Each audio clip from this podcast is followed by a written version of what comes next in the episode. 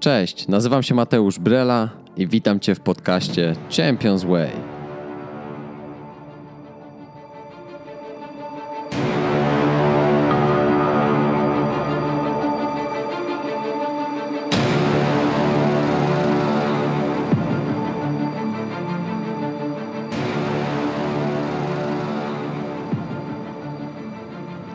Rozpocznijmy wspólnie mistrzowską drogę.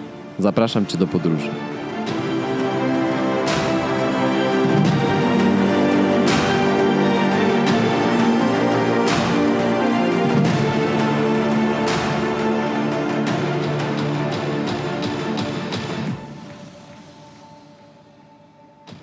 Witam Cię w siódmym odcinku podcastu Champions Way. Dzisiaj moim gościem jest e, mój serdeczny kumpel, przyjaciel Mariusz Dzięcioł. A Mariusz, nie będę Cię przedstawiał, bo tak naprawdę chciałbym Ci zadać bardzo proste pytanie. Tak mi się wydaje, że proste. Kim jesteś? Cześć, słuchaj, e, to nie jest proste pytanie dla większości ludzi, myślę. Dla mnie jakiś czas temu też nie było. E, I do pewnego momentu ja też szukałem odpowiedzi na to pytanie, kim jestem. Nie lubię być etykietkowany gdzieś tam podświadomie, a żyjemy w kraju czy w ogóle w cywilizacji, która patrzy przez pryzmat tego, czy masz magistra, czy prowadzisz firmę, czy jesteś ojcem, czy jesteś dziennikarzem i to są odpowiedzi na pytanie, kim jesteś. A ja powiem po prostu, że jestem facetem, który żyje każdego dnia e, tak, jak chcę żyć. I to jest, myślę, najlepsza odpowiedź, bo gdybym powiedział, że jestem fizjoterapeutą, to w 100% się z tym aktualnie nie zgodzę, bo to jest coś, czym ja się zajmuję. Nie chciałbym, żeby to, czym się zajmuję, mnie definiowało, bo aktualnie mentalnie to, czym się najbardziej zajmuję, co mnie najbardziej jara, to jest fotografia. I teraz zawodowo zajmuję się fizjoterapią i przygotowaniem motorycznym, treningiem. A więc jak ktoś do mnie dzwoni, to mówi, bo ja słyszałem, że jesteś trenerem. Ktoś inny dzwoni i mówi, bo ja słyszałem, że jesteś fizjoterapeutą.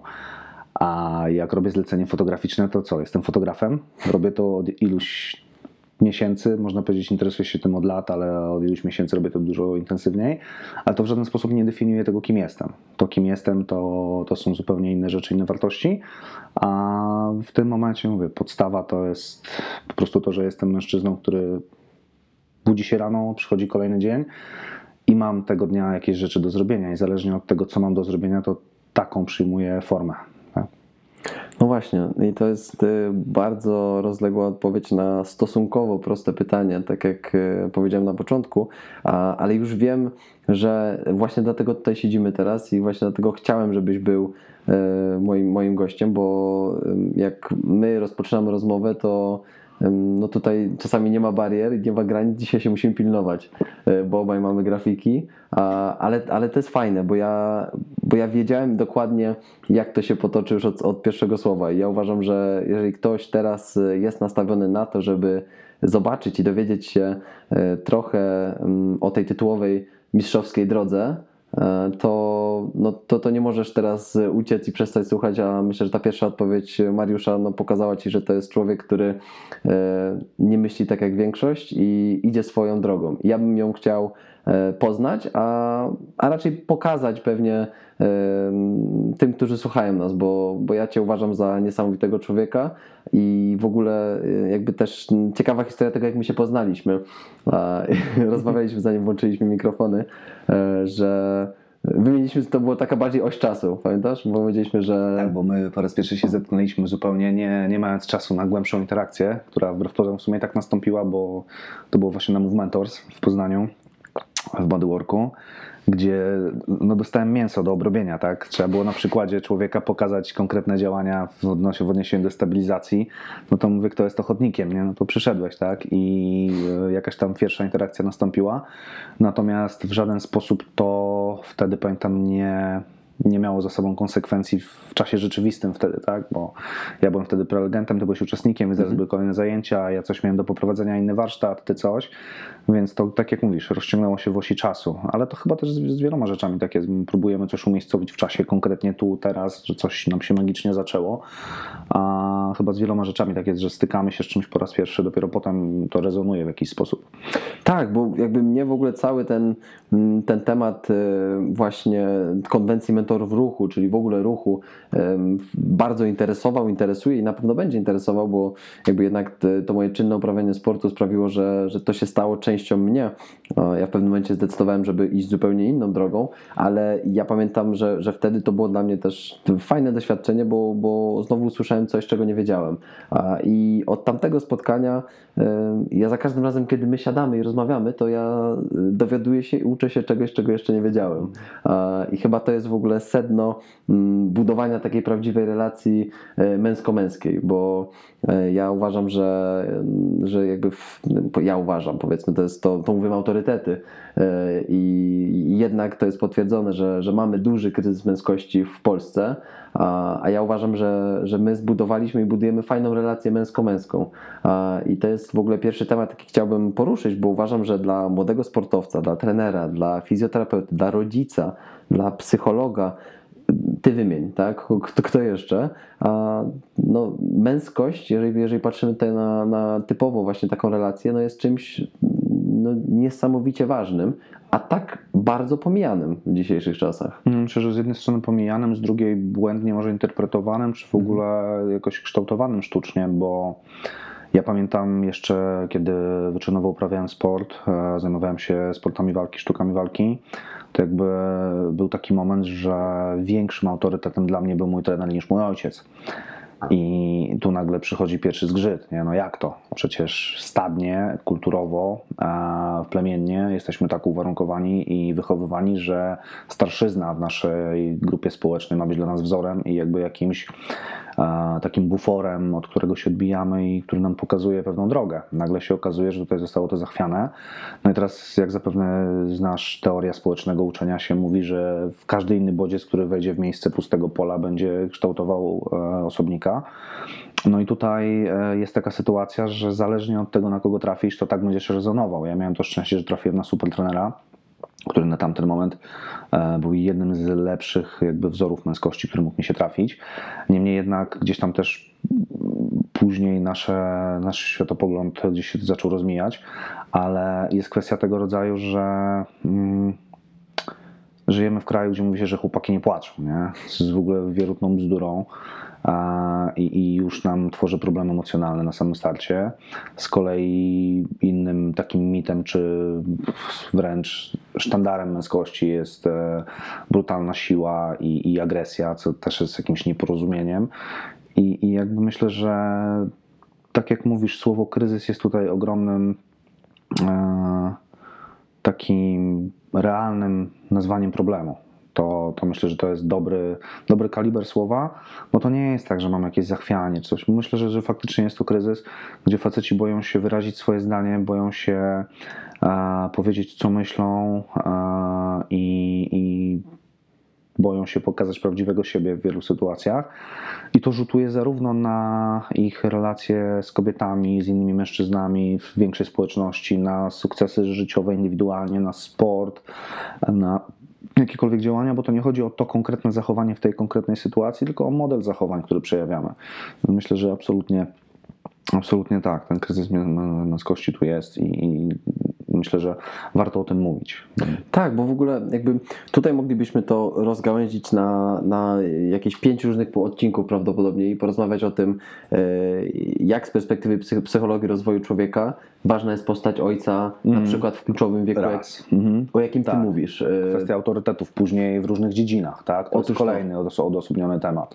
Myślę, że to jest ogromna ilość e, takich kierunków, w które można się zagłębić, ale jeżeli patrzymy przez pryzmat rozwoju jednostki, no to myślę, że w kontekście takim psychospołecznym myślimy o pewnym wzorze, tak? I jakimś szablonie zachowania.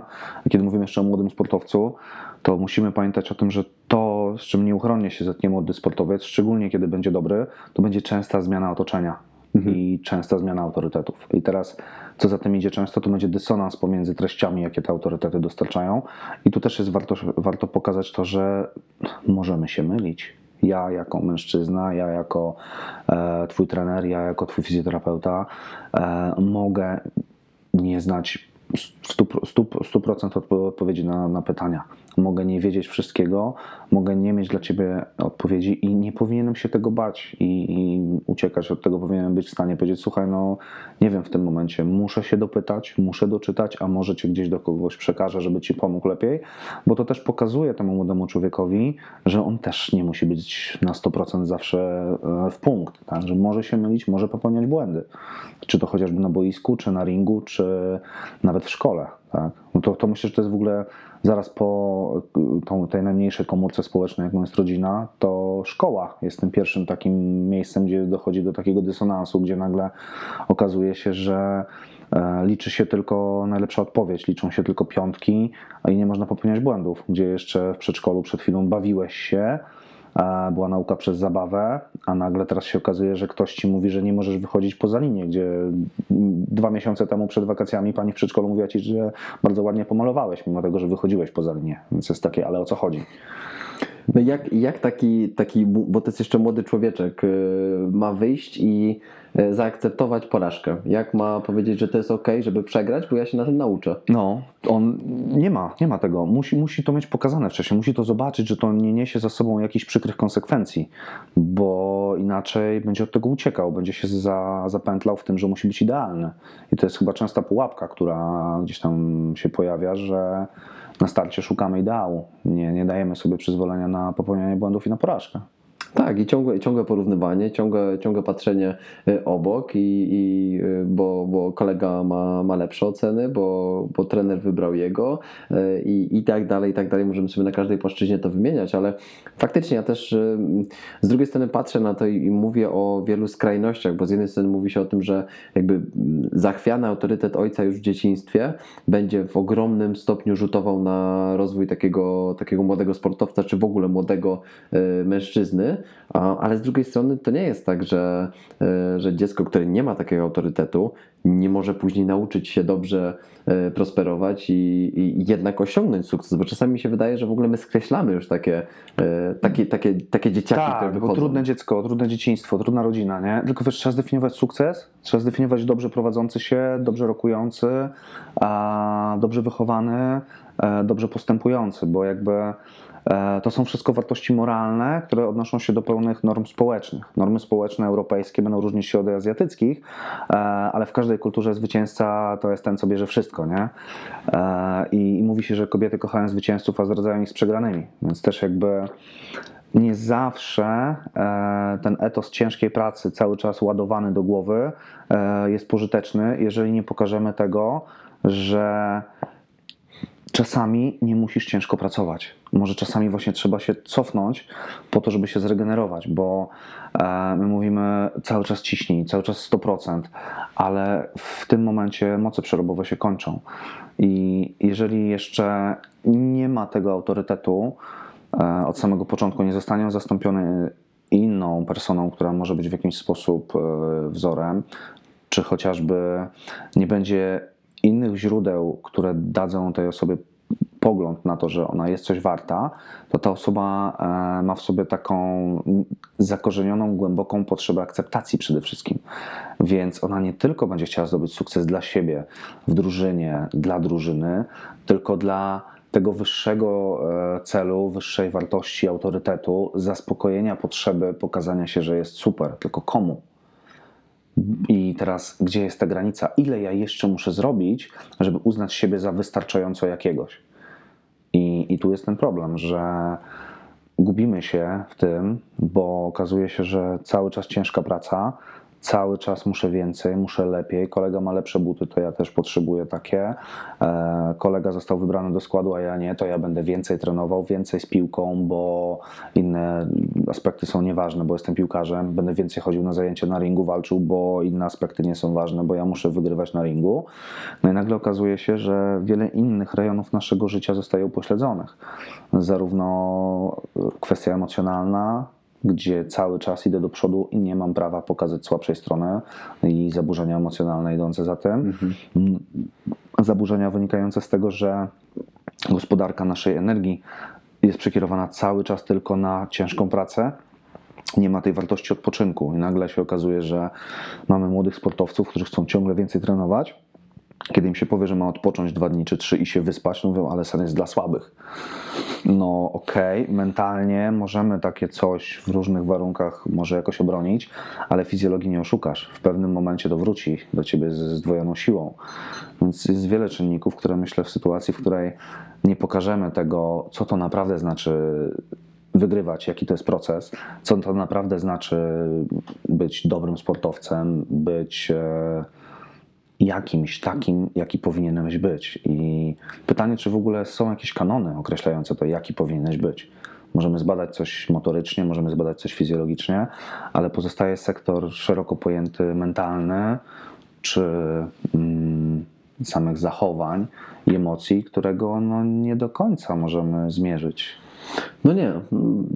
Próbujemy, ja próbuję na pewno, ale temat w ogóle, który ty wspomniałeś, to nawiązując właśnie do, te, do tej mierzalności, to jest y, właśnie temat emocji. Ja uważam, i ja się w ogóle dziwię, dlaczego y, na przykład temat inteligencji emocjonalnej nie jest czymś y, wręcz programowym w, w edukacji młodego człowieka. Wyobrażasz sobie, gdyby, gdyby taki młody mężczyzna, tu akurat mówimy o mężczyznach, bo rozmawiamy o tym temacie męskości, ale to oczywiście też jest do, dotyczy się do kobiet, tylko jak już powiedziałeś, chłopaki nie płaczą, więc y, y, chłopaki nie wyrażają swoich naturalnych emocji.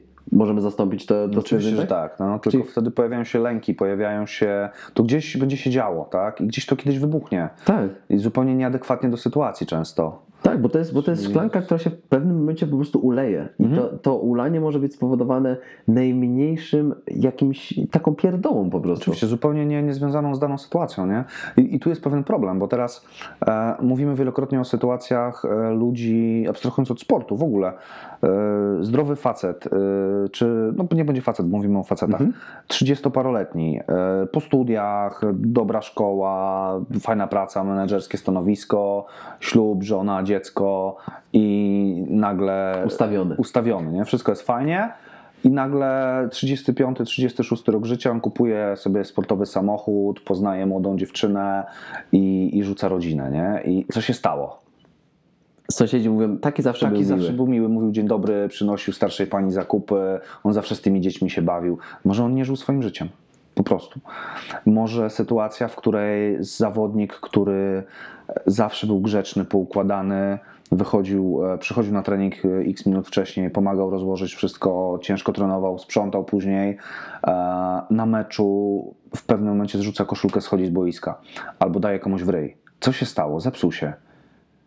No a może wcześniej coś było nie halo, może ciężko pracował, coś nie zostało dostrzeżone i w pewnym momencie mu się ulało. Może się czuje niedowartościowany, a może coś właśnie na zupełnie innym gruncie, o czym zupełnie nie wiemy, w jego relacjach z bliskimi nie zadziałało, a tego konkretnego dnia coś przebrało czarę. Tak? Tak, właśnie na przykład Daniel Goleman pisał o tym w, w książce Inteligencja Emocjonalna, em, o różnych przypadkach. Akurat tutaj pisał y, w dużej mierze o mężczyznach, którzy mm, nie potrafili, nie umieli opisać swoich emocji, nie potrafili opowiadać o swoich emocjach i wręcz wydawało się y, wcześniej, że to są po prostu ludzie bez emocji i że tacy ludzie tak naprawdę istnieją. Potem to zostało sklasyfikowane y, jako zaburzenie i to się nazywa dzisiaj profesjonalnie aleksytymią, a, czyli taką nieumiejętność rozpoznania, a później oczywiście opisania tych, y, tych uczuć. I to jest w ogóle pierwszy krok do takiej samoświadomości emocjonalnej, czyli umiejętność w ogóle wyrzucenia z siebie, co ja w tej chwili Co, co czuję. masz w środku, nie? Tak,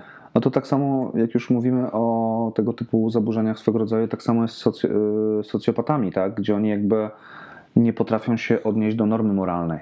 Więc na dobrą sprawę ja się tym zainteresowałem jakiś czas temu od strony sądownictwa i, i pracy psychologów e, sądowych, właśnie odnośnie tego, jak rozpatrywać takie sytuacje kryminalne w kontekście zaburzeń e, psychicznych.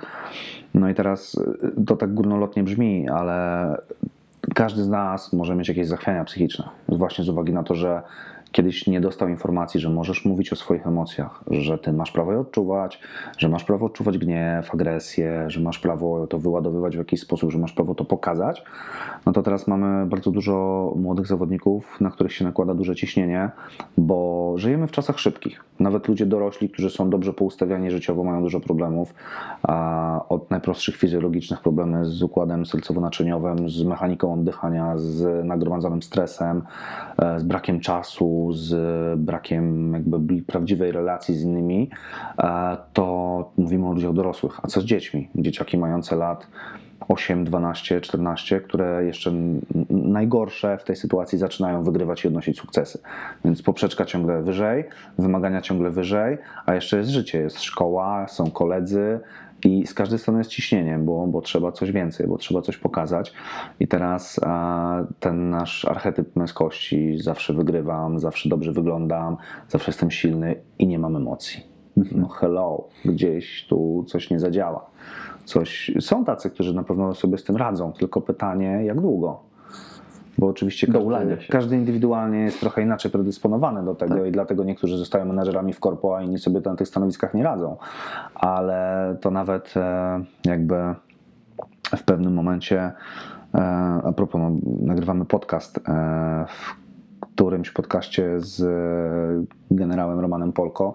On przywołał taką sytuację z, międzynarodowego szkolenia z Stanów, gdzie miał do wykonania zadanie, miał swój sztab ludzi pod sobą i w trakcie tej misji szkoleniowej e, w scenariuszu doszło do tego, że jeden z jego podwładnych został postrzelony. I on już ze swoim jednym sztabem, miał dwa sztaby pod sobą, czy jeden, który tam dzielił na dwie podgrupy. I z tą jedną podgrupą był już tak blisko wykonania zadania, że stwierdził, że dokończy to i wracając zabierze tamtych i, i skończą misję. Nie? I tak zrobili faktycznie. Osiągnęli cel zadania, wrócili, no i na odprawie po misji szkoleniowej usłyszał, że jest niezaliczone. Mm, Ale jak to? Przecież wszyscy wróciliśmy i zostało zaliczone. No i odpowiedź była bardzo prosta, ale zostawiłeś swojego na polu w trudnej sytuacji. No i on mówi, no dobrze, ale wykonałem zadanie i jemu się też nic nie stało. No ale odpowiedź zwrotna znowu tak, ale naszym nadrzędnym celem, celem jest dobro i życie drugiego człowieka. Ono zostało nadwyrężone już na starcie, powinniście zakończyć misję i wrócić. I teraz według tego archetypu męskości z wiecznego zwycięzcy a, i takiej chłodnej kalkulacji, no widocznie doszło do tego, że on stwierdził, że kurczę, sytuacja mimo wszystko jest bezpieczna, zrobię zadanie, będziemy wracać. No ale okazuje się, że są pewne zasady, które a, tym momencie zadecydowały o tym, że nie było to odpowiednie zachowanie, które chcieliby zobaczyć tam, tak? Właśnie, to jest w ogóle nadrzędna, nadrzędny cel i misja e, właśnie amerykańskich e, Navy Seals. E, oni w ogóle już w drugiej części swojego przygotowania treningu są torowani do tego, żeby pracować w grupach. Tak, grupa, tam nie ma miejsca dla indywidualistów, nie? Ten, który się wyłamuje, rozwala całą grupę. Tak, i może być rewelacyjny, może być najlepszy, Sam. tylko rozwala, dlatego że jest nieprzewidywalny. Otóż to. I, I tak samo jest w sporcie też, tak? No, Ci, wielokrotnie widać, że ci najlepsi jak e, na pierwszy, z pierwszych stron gazet, jak Mike Tyson czy Tiger Woods, odnieśli sukces, w pewnym momencie coś się spieprzyło i nagle zniknęli. I to tak ze sromotną klęską, patrz Tyson chociażby. Tak. I to, to jest kwestia tych czynników emocjonalnych, myślę też w dużej mierze. I teraz też jak to powiedziałeś, to coś, coś co mnie chodzi po głowie, to jest, to jest właśnie ta, ta różnica pomiędzy i tu może dalej jesteśmy w męskości, ale pewnie jesteśmy w ogóle w, w relacjach e, międzyludzkich. Ta różnica pomiędzy e, transakcją a relacją.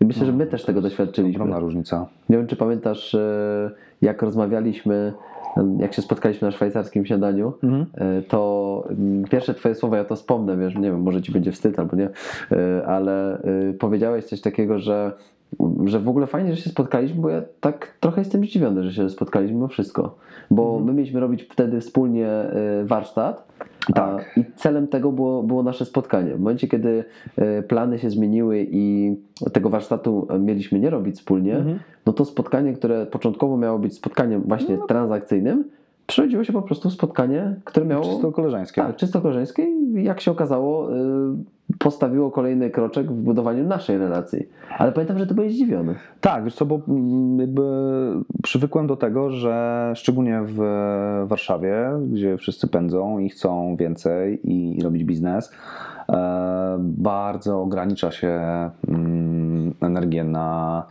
na działania, gdzie no, jeżeli coś cię ma nie przy, mm, coś nie, nie przy, przenosi cię do przodu, nie przynosi ci efektu mierzalnego w formie kasy chociażby, jest wycinane, bo to nie ma sensu, nie? Dlatego też w sytuacji, w której ja wtedy zadzwoniłem, powiedziałem ci, że z przyczyn prywatnych no, nie chcę z tobą pracować wtedy, bo po prostu, bo nie chcę Tak. i, i mam inne rzeczy w tym momencie do ogarnięcia. Eee, zadzwoniłem w sumie bez jakichś oczekiwań, natomiast z tyłu głowy miałem taki alert, że może to się skończyć tym, że powiesz, no dobra, okej, trudno, trochę się obrazisz albo coś. A, a, i, I nie było tutaj mm, nic dziwnego, tak? No bo jakby założenie było takie, że coś mamy razem zrobić, nagle ja się wyłamuję. A okazało się, że normalnie jak dorosły człowiek podchodzi do tematu, mówisz, okej, spoko, masz swój czas, swoją przestrzeń ogarnij, jak będziemy mieli czas, to się chętnie spotkam. I, i faktycznie do tego spotkania doszło, tak? I to, to też jest fajne, bo to też, mm, tego już nie pamiętam, kto to powiedział, ale ktoś powiedział, że mm, nie wszystko, co warto się opłaca i nie wszystko, co się opłaca, to warto. I w tym przypadku nam się to nie opłaciło z punktu materialnego, natomiast uważam, że było warto poświęcić ten czas na śniadanie szwajcarskie. Swoją drogą było super. E, Pełna moc możliwości Jacek Walkiewicz. Walkiewicz, dokładnie tak, tak, to Jacek, tak. Tak mi się wydaje, że to były jego słowa, bo ostatnio zostałem Bardzo poprawiony bardzo, bardzo słusznie, bo powiedziałem mm, okej, dobra, to jest to zdanie. To, nie, to są słowa e, profesora Bartoszewskiego, e, które Jacek Walkiewicz wypowiedział w tym wykładzie. Właśnie, profesor Bartoszewski, masz rację. No. Widzisz, dobrze teraz się poprawiłem, bo, bo drugi raz bym, e, bym dostał po uszach. Jacek Walkiewicz to wykorzystał w swoich, e, swoich gdzieś Ale powiedział, że mój mistrz, tak. profesor Bartoszewski, Mhm. powiedział, I tak jest chyba. No, żyjemy, ja myślę, że żyjemy w czasach, w których coraz bardziej będzie się to zaznaczać, że trzeba. Znaczy, ja bardzo sobie to cenię, kiedy potrafimy oddzielić e, relacje i poświęcenie czasu, jakiegoś i energii, dlatego że chcemy to zrobić tak po prostu, Mhm. e, od tego, że kurde, coś mi to może przynieść, to ja teraz zainwestuję trochę mojego czasu i zobaczymy, co z tego będzie. Nie? Trochę. E, trochę mi to jest gdzieś tam obce, dlatego że uważam, że mm, nie każda relacja, nie każda znajomość musi nam dawać coś w naszym odczuciu, co nas e, buduje bardziej i daje nam możliwość wzrostu, bo może się okazać, że na dany moment my nie dostajemy nic z tej relacji, ale my komuś coś dajemy i to też jest wartościowe, a może być tak, że ta relacja jest tylko gruntem do e, wymiany doświadczeń, żeby spojrzeć na inną perspektywę, co długofalowo i tak nam coś daje. Oczywiście, no, jakby jestem zwolennikiem tego, że jak mamy relację, która jest dla nas toksyczna i ktoś tylko z nas sie, to w pewnym momencie fajnie to odciąć i zająć się sobą, ale wydaje mi się, że chyba nie powinniśmy oczekiwać od każdego kontaktu z kimś, od każdej relacji, że za każdym razem nagle ci się zapali lampka plus level 10, nie? Skakujesz wyżej.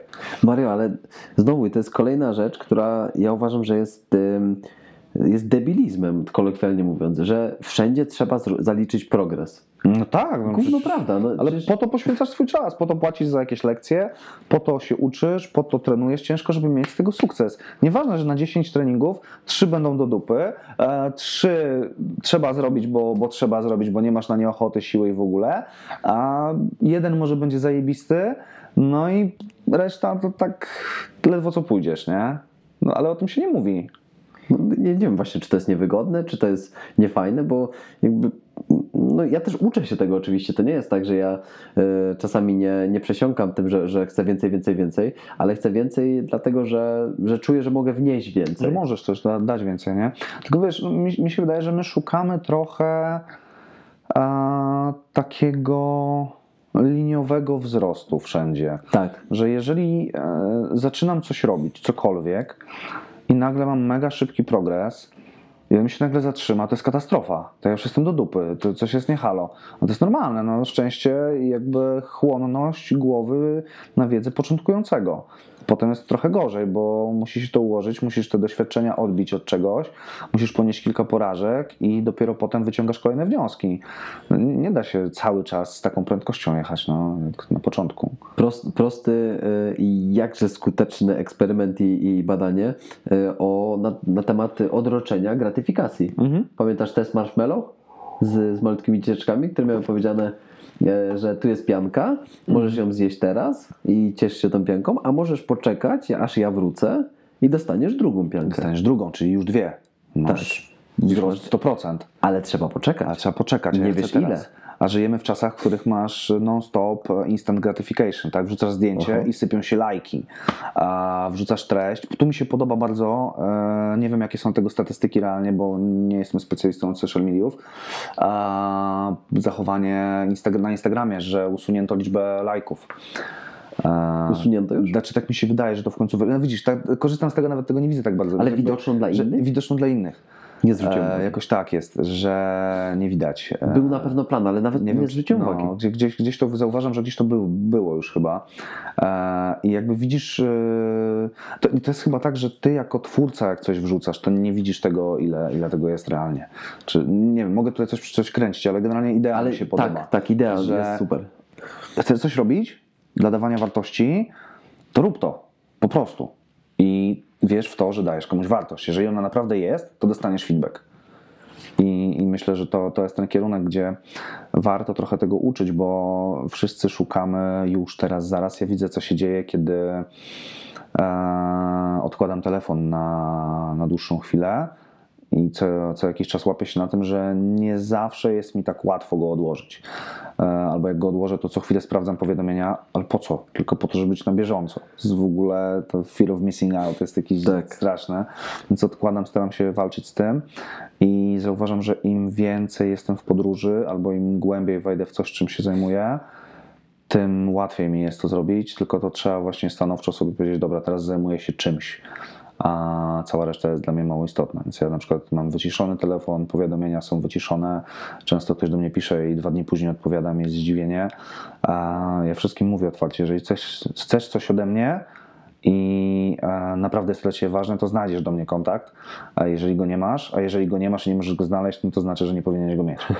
E, bo jakiś czas temu naprawdę zacząłem sobie cenić moją prywatność i mój czas prywatny i to jest cenna nauka, bo im więcej go sobie gospodaruję, im więcej go, go dla siebie mam, tym jestem efektywniejszy w tym, co robię faktycznie.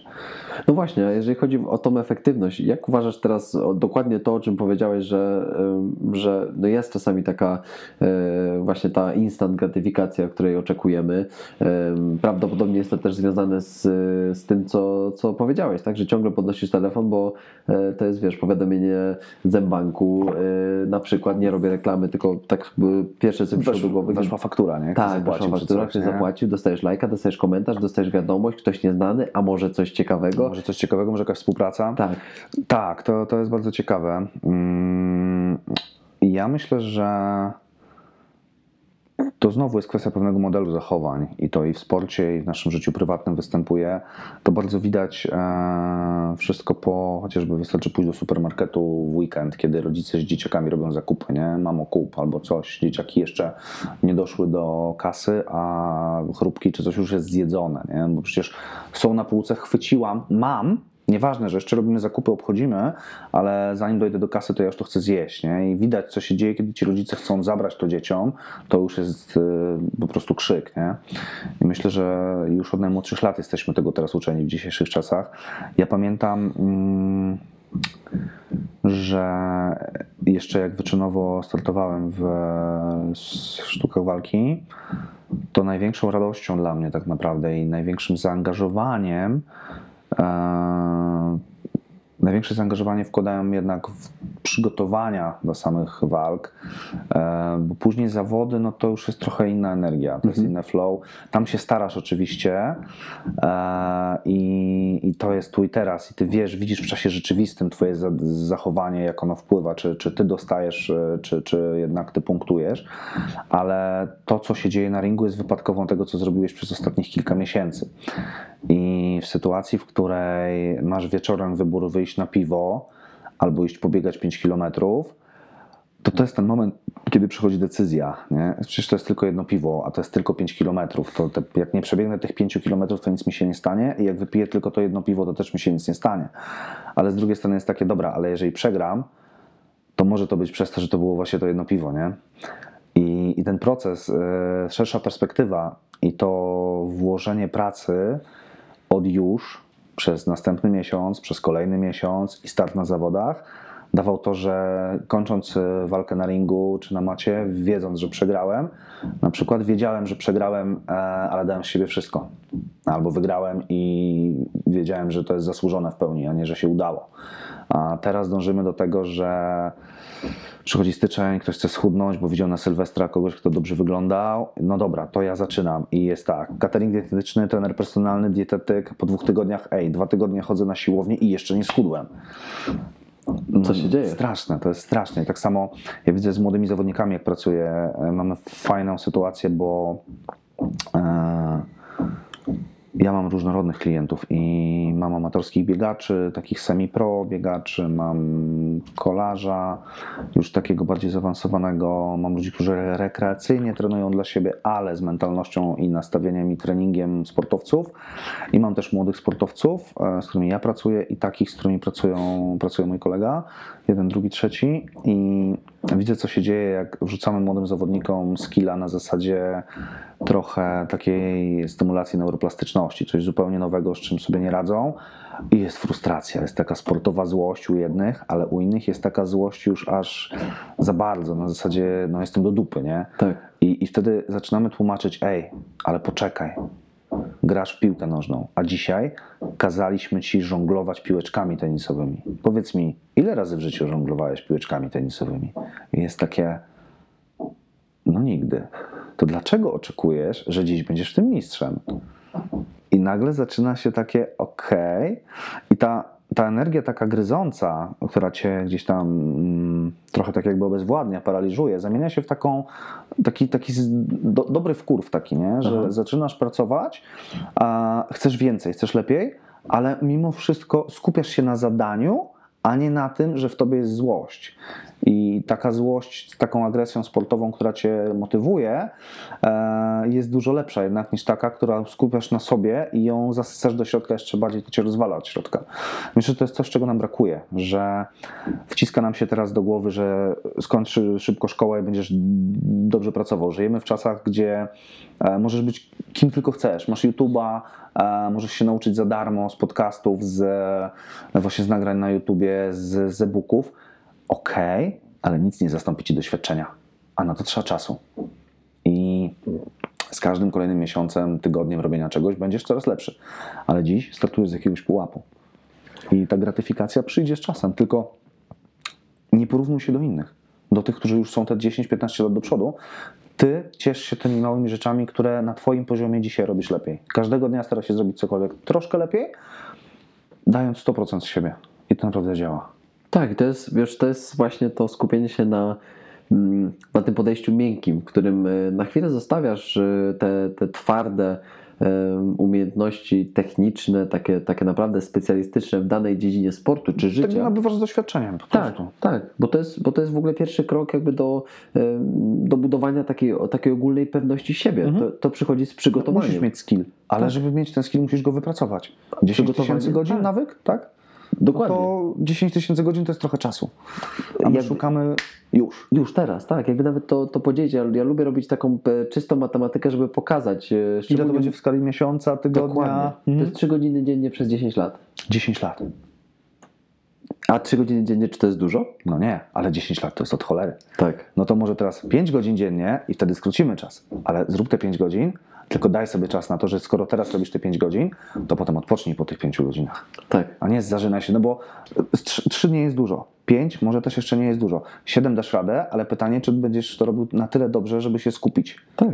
I pytanie, czy na pewno musimy te 10 lat tak bardzo skracać, czy może skrócić je do 8, do 7, ale dawać sobie też takie wypośrodkowanie tego, że będziesz ciężko pracował, ale będziesz też na świeżości pracował. No właśnie, i teraz ten element, ty jakby ze swojego doświadczenia i w pracy z, z, ze sportowcami, z obserwacji też e, sportowców, no i ze swojego przede wszystkim doświadczenia życiowego, jak uważasz, że te umiejętności miękkie, twarde, e, one, one jednak e, jakby, no wiemy, że grają ogromną rolę, a, ale gdzie, gdzie ty widzisz, że to, się, że to się pojawia najczęściej, czy objawia się najczęściej, czy gdzie ty czujesz, że potrzeba najwięcej skupienia? Wiesz co, to jest kilka obszarów. Ja z perspektywy mojej osoby, mojej jako mnie, jako nastolatka, jako faceta, który dorastał, jako faceta, który ma teraz żonę, ma rodzinę, e, mogę powiedzieć tak, jak miałem 14 lat, moja serdeczna przyjaciółka dosłownie mnie opieprzyła, że jestem gamoniem, że nie mówię jej o moich uczuciach. Bo chcesz ze mną budować relacje, chcesz, żebym ci jakkolwiek coś powiedziała, a ty mi nie mówisz, co, co się z tobą dzieje, no to o czym mam rozmawiać? Więc to myślę, że pierwszy taki znak zapytania to jest to, jak my funkcjonujemy jako jednostka, ja jako ja, nie ja jako sportowiec, tylko ja jako człowiek w relacji z mamą, babcią, tatą, dziadkiem, z kolegami, z koleżankami, bo to są pierwsze rzeczy, z którymi się najczęściej spotykam i one mnie w jakiś sposób też budują te doświadczenia. One mi dają jakiś feedback ze środowiska. Kolejna rzecz to, no bo w tych relacjach jeszcze nie musisz być w jakikolwiek sposób określony e, w tym, co robisz. Nie musisz być już super sportowcem, nie musisz być super specjalistą, bo z tymi ludźmi spotykasz się na gruncie czysto osobistym. I tam uważam, że one są szczególnie ważne, bo mogą, ci da, mogą cię budować jako jednostkę z feedbackiem: Ej, fajny jesteś. Po prostu robisz fajną robotę, bo przyniosłeś mi zakupy, na przykład nie prosiłam cię o to, bo poprosiłam cię, żebyś posprzątał swój pokój, a ty posprzątałeś od razu bez marudzenia, nie? I to są takie małe rzeczy, które na co dzień dają nam to, że jestem fajnym gościem. Tego często brakuje. Bo najczęściej jesteśmy chwaleni jako sportowcy, jak już odnosisz sukcesy. Ja pamiętam, miałem taki problem, że bardzo szybko zacząłem wygrywać. Bardzo szybko uczyłem się nowych rzeczy, bardzo szybko stawałem się najlepszy w grupie. No i jak zaczynasz być najlepszy, to przestajesz walczyć o bycie najlepszym. Bo po co? Nie masz z kim rywalizować. Nie masz kogo gonić. Nie masz kogo gonić. I jak już przegoniłem tego, kogo goniłem, Tak. no to przez chwilę była rywalizacja taka fajna, kiedy mnie gonili, bo jeszcze miał kto gonić. Ale jak odskoczyłem, to potem było takie, wiesz, patrzysz w dół, tam jest długo, długo nic, a dopiero gdzieś tam ci majaczy w chmurach takich w dole, że ktoś cię goni, nie? To dobra, jeszcze mam czas, mogę się trochę poopieprzać, nie? I to jest, to jest myślę jedna taka pułapka, pułapka zwycięzcy.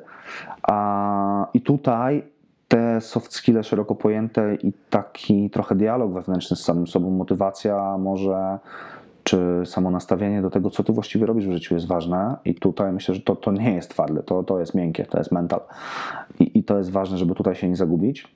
A w kontekście pracy stricte ze sportowcem, czy z pacjentem bólowym, klientem bólowym, to myślę, że to jest ogromna, mm, ogromna rola trenera, fizjoterapeuty, czy osoby zajmującej się rozwojem takiego sportowca, czy osoby, która wspomaga sportowców. Ogromna rola w tym, żeby uświadomić, że nie tylko to, z czego jesteśmy rozliczani z zewnątrz, czy my sami widzimy, że to nas buduje, jest ważne. Dla przykładu przychodzi ktoś, mówi: Słuchaj, pracuję 16 godzin dziennie, jestem informatykiem, bolą mnie plecy, boli mnie bark, trenuję 4 razy w tygodniu. e, No i co ja mam robić, bo mnie boli? Mówię, dobra, poczekaj, wróć. 4 razy w tygodniu. Jak długo trenujesz? No po półtorej godziny dziennie. Okej, a ile śpisz? No tak między 5 a 6 godzin. Ja mówię, ale między 5 a 6 godzin codziennie?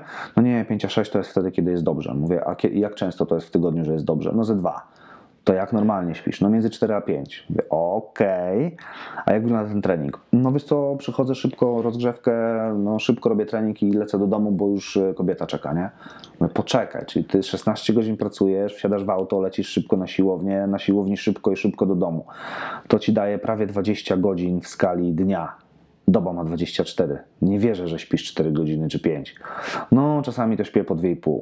No, Stary, w ogóle o czym my gadamy? Ty do mnie przychodzisz z zero-jedynkową informacją, taką sztywną, boli mnie. Trenuję, chcę lepiej trenować. Ale to musimy teraz zastanowić się nad tym, co ty naprawdę chcesz od życia i co jest dla ciebie ważne. Czy ty zrezygnujesz teraz trochę z tej pracy na rzecz on, żeby więcej trenować? Nie, na rzecz tego, żeby spać. I wróć do mnie za dwa tygodnie, jak zaczniesz lepiej spać. No ale ja do ciebie przyszedłem, żebyś mi pomógł z bólem. Zacznij od spania. Dostał dwa, trzy ćwiczenia oddechowe, trochę ćwiczeń uważności, e, prostą pracę dla obręczy barkowej, korekcję dwóch e, ćwiczeń, które wykonuje na siłowni, wraca po dwóch tygodniach, mówi, no jest trochę lepiej. Po miesiącu przychodzi, mówi, nie boli bark. Dwie konsultacje, ja nie zrobiłem nic, tylko pokazałem to, co on może zrobić, gdzie ma pewne braki. I gdyby naszych sportowców, e, myślę od najmłodszych lat, uczono tego, że to, że ty przychodzisz na trening, to nie jest twoja praca. To jest pewien przywilej. To, że ty możesz przyjść na ten trening i masz sobie na to zasłużyć tym, że się wyśpisz i zadbasz o siebie, będziesz jadł dobre jedzenie, a nie syf i będziesz dbał o swoje inne rzeczy po to, żeby ci nie wisiało to w głowie, żebyś mógł przychodzić na trening z czystą głową, to jeżeli to byśmy pokazywali, to myślę, że mielibyśmy dużo więcej fajnych efektów. No fajnie powiedziane, szczególnie, szczególnie jak e, też opowiadałeś o tym, że szybko wszystko, szybko, szybko i jeszcze raz szybko. Tak, i więcej szybko, nie? I tak, i więcej szybko i przyszedł do ciebie, żeby szybciej Żeby się dostać, tego. tak, no po to przyszedł, nie? No to ja mu powiedziałem, to za miesiąc zobaczymy, co będzie, nie? I było takie nagle, ale a nie da się coś szybciej? Mówię, nie, no da się, oczywiście, wbijemy igłę i tylko to nie do mnie, nie? No. A więc myślę, że, że warto uświadamiać e, sportowcom, pacjentom bólowym, klientom bólowym i sobie samemu, że często jesteśmy zaślepieni, mm, mamy za duże szkło powiększające. Trzeba zdjąć to szkło powiększające Tak. i oprócz naszego głównego celu zobaczyć szerszy obraz sytuacji. Że jeżeli ty naprawdę chcesz e, zająć się swoim zdrowiem, no to na litość boską chlanie co drugi dzień i żarcie syfu z McDonalda, ale e, trening 5 razy w tygodniu to nie jest najlepsze rozwiązanie. I teraz, jeżeli chcesz dobrze trenować i jesteś w liceum i jest przed tobą matura i no w sumie to zależy ci trochę na tej szkole, no ale chcesz trenować. No i teraz nie wiesz jak to zrobić, no trzeba zdać tą maturę i, i jesteś zagrożony z dwóch przedmiotów, to może przez trzy miesiące przestań tak intensywnie trenować. Załatw sobie szkołę, żeby to ci nie wisiało, a, a potem dla świętego spokoju zrób tą maturę na tyle tylko, żeby się dało, żeby mieć to z głowy, żeby, żeby to po prostu mieć, ale to ci zejdzie z głowy. I rób sobie swoje w piłce, czy rób sobie swoje na boisku jakimkolwiek innym. Bo i tak maksymalnie nie wyciągniesz z siebie tyle, ile byś mógł, przez to, No że nie, bo jest jakaś z tyłu głowy to, że musisz po treningu dokładnie wrócić do domu i siedzieć w książkach, na co nie masz ochoty. Tak. Skoro nie zmienisz tego, że jesteś w liceum a, i że musisz tą maturę napisać, to zrób wszystko, co możesz teraz, żeby to jak najmniej ci ciążyło. Tak, bo te niedomknięte sprawy z perspektywy psychologii poznawczej, one są jak taki gwóźdź, taka No to, igła, to są takie drzwi wbija. niedomknięte, które ciągle skrzypią. No. Ach, i coś jest- robisz, a one ci skrzypią z tyłu głowy. Powiedziałeś coś bardzo ważnego, wiesz, i nie chcę, nie chcę żeby mi to umknęło, bo e, w pracy z tym, z tym e, informatykiem, e, Mhm. o którym opowiadałeś, u mnie pojawiła się w ogóle definicja tego, czym tak naprawdę jest moja praca. Mhm. To, co ty powiedziałeś, to jest dokładnie definicją e, tego, i jakby czym ja się, czym ja się zajmuję, bo ty wiesz, co ja robię, ale generalnie ja to zamykam w e, trzech słowach. Dla mnie przygotowanie mentalne, e, czy właśnie taka szeroko pojęta psychologia sportu, to jest rozwijanie własnego potencjału. I to jest to, co ty zrobiłeś z tym, z tym informatykiem. No tak, bo on to ma już. Tylko po prostu musi prze, prze, przegospodarować zasoby. Tak. I jakby i to, jest, i to, jest, to jest magia według mnie. I teraz jakby ktoś, bo ty użyłeś jakby nic innego, oczywiście swojej wiedzy, swojego doświadczenia, ale spojrzałeś na niego z perspektywy miękkiej. Mhm. On nie miał tam nic specjalistycznego do zrobienia oprócz kilku ćwiczeń. Znaczy wiesz co, jakbym chciał, to mógłbym go pogłaskać po tym barku, wbić mu paluchy i dać pozorne poczucie tego, że ja Tak. magicznie mu tą tkankę tam zregenerowałem. Tak. Ale wychodzę z tego założenia, że raczej nie chciałbym oszukiwać moich klientów i pacjentów i, i wyleczyłem się z ich zadowalania. Aha. Wiesz, I mówię wprost pewne rzeczy, że no słuchaj stary, no, no nie, to nie ma sensu. I pokazuję mu proces i mówię, słuchaj, wiesz co, na pewno jak znajdziesz sobie masażystę, który e, będzie chciał pracować i zarabiać, to będzie cię masował tam. I to też ci pomoże, bo pobudzenie układu nerwowego spadnie. Jakby będziesz mniej, mniej e, pobudzony w taki sposób negatywny. Ty pewnie będziesz znał lepsze określenia z polskiego, bo z angielskiego to jest e, arousal, aroused. Aha. U nas e, brakuje mi takiego Wiem, odpowiednika, wiem, bo wiem, to jest takie pobudzenie. To jest, to jest, no, My in, interpretujemy pobudzenie jako pobudzenie erotyczne pod tym hasłem, tak, ale to jest taki. ale to jest inne pobudzenie. Tak, to jest emotional ra- Dokładnie, arousal. e, dokładnie. I to jest tak. takie pobudzenie, taka gotowość, trochę Tak. taka niepewność. To jest takie, jak masz auto trochę mocniejszym silnikiem i stoisz na światłach i nogę już masz na gazie i, i to sprzęgło jest tak do połowy puszczone, już jest jedynka wbita i tylko czekasz jak się żółte zapali, bo jak się zapali żółte, to ty już będziesz 30-40 metrów z przodu przed tymi, co są obok, nie? Potocznie mówiąc, to jest takie życie na korbie. Takie podniecenie, dokładnie, takie, taka korba już, nie? Cały czas. Jesteś I- taki po prostu pies, który, Tak, który i- cały czas tylko, wiesz, ja wyczekuje. po- powiedziałem, słuchaj, wiesz, ty możesz się sam rolować, możesz e, robić ćwiczenia oddechowe i możesz iść równie, równie dobrze do masażysty, który też ci tą właśnie korbę trochę odkręci, żeby luźniej, ale to, to, to nie rozwiązuje problemu. Problem jest w kwestii twojego nastawienia i tego, że źle gospodarujesz w tym momencie swoją energię. I ja myślę, że to, to, to jest kluczowe, bo tak naprawdę jakbym miał przez pryzmat ostatnich kilku lat popatrzeć na to, jak ja pracuję, to zaczynając od pracy manualnej, przeszedłem bardzo płynnie do pracy takiej ruchowej, a ostatnie 3 lata, 4 bardzo dużo edukuję moich e, podopiecznych.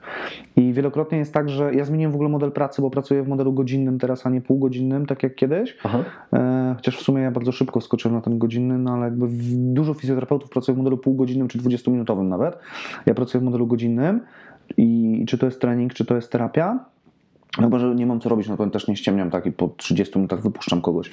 Ale e, to jest ta sytuacja, gdzie mm, przez ten czas ja wolę często poświęcić energię i czas na to, żeby komuś coś pokazać, opowiedzieć, jak coś działa, niż tylko robić z nim robotę tą właśnie twardą, która też jest, też jest ważna, ale często nie zatrybi, jeżeli ktoś nie zobaczy e, większego sensu. Rozumiem, tak. I, i e, no, mówisz, mówisz o bardzo ważnej rzeczy, bo e, coś, co, co ja zauważam u sportowców, co jest problemem, co, wyzwaniem na pewno, e, ja, bo ja to widzę u siebie, czy może widziałem e, bardziej e, w przeszłości, natomiast my o tym już rozmawialiśmy i to jest temat asertywności. Mhm. Czy umiejętność, umiejętność powiedzenia nie, umiejętność e, niepozwolenia sobie e, wejść na głowę. I pamiętasz, rozmawialiśmy o tym kiedyś Tak, w kontekście e, zmieniania stawek. Tak, chociażby. Jak, jak, to, jak to wygląda. Ale ja, ja widzę nagminnie em, ten problem u sportowców, że oni mają problem z taką, taką typową, czystą asertywnością. Choćby idę z kolegami na imprezę, no bo gdzieś tam studiuję, no to mam znajomych innych spoza, Mhm. spoza sportu, ale w głowie mam to, że ja jestem pierwszoligowym zawodnikiem i to jakoś chyba nie pasuje, ale z drugiej strony nie chcę być odłączony i pojawia się znowu FOMO. e, Tak, nie? ale Czyli wiesz co, to nie jest- chcę opuścić tej Myślę- imprezy. Tak, tylko myślę, że znowu to jest kwestia modelu postawy, modelu zachowania jednostki jako e, takiej komórki mikro, Tak. jako jednostki ludzkiej, dopiero potem mężczyzny czy kobiety, dopiero potem zawodnika, trenera, dziennikarza czy jakiejkolwiek innej roli społecznej, bo zaczyna się od tego, kim ty jesteś jako człowiek. I teraz prosty przykład. E, Jeżeli budujesz swoją wartość na tym, jak dobry zegarek nosisz, czy jaką, jak dobrą marynarkę nosisz, to uważam, że masz pewien problem, bo jeżeli to jest główny e, budulec twojej wartości, to jak ci to zabiorę, no to ciebie nie ma. I teraz to widać bardzo często po zawodnikach e, z różnych sportów z biedniejszych regionów. Czy chociażby fenomen e, brazylijskich piłkarzy. Tak. W Brazylii, żeby się wybić, albo grasz piłkę, albo tańczysz sambę, e, albo trenujesz capoeirę. I jest parę innych rzeczy jeszcze, tak, ale jeżeli budujesz wartość na rzeczach, które można ci zabrać, czy głównie na materialnych w tym momencie, czy na tym, jak jesteś ty postrzegany w środowisku, to jeżeli zmieni się to, jak ciebie ktoś postrzega, to trochę tak, jakby ci ktoś bił gwóźdź w plecy. Tak. A jeżeli ty masz swoją wartość, obraz siebie w sobie w głębi i nie rzutują na niego e, opinie innych, to nagle się okazuje, że ty w każdych warunkach e, jesteś w stanie e, swój performance jakikolwiek utrzymywać na jakimś sensownym poziomie. I myślę, że to jest bardzo istotne, jeżeli chodzi o te szeroko pojęte, e, ten, ten podział między soft, e, tą warstwą soft naszej pracy i e, zdobywania jakichś rezultatów sportowych chociażby, czy, czy biznesowych, a tą warstwę sztywną, no bo no, know-how jakiś zawsze jest ważny, skille są ważne, ale to mental nas spala. Tak. I, I widzisz, i to jest to, to wracamy do pierwszego pytania, jakie ci zadałem. Kim jesteś?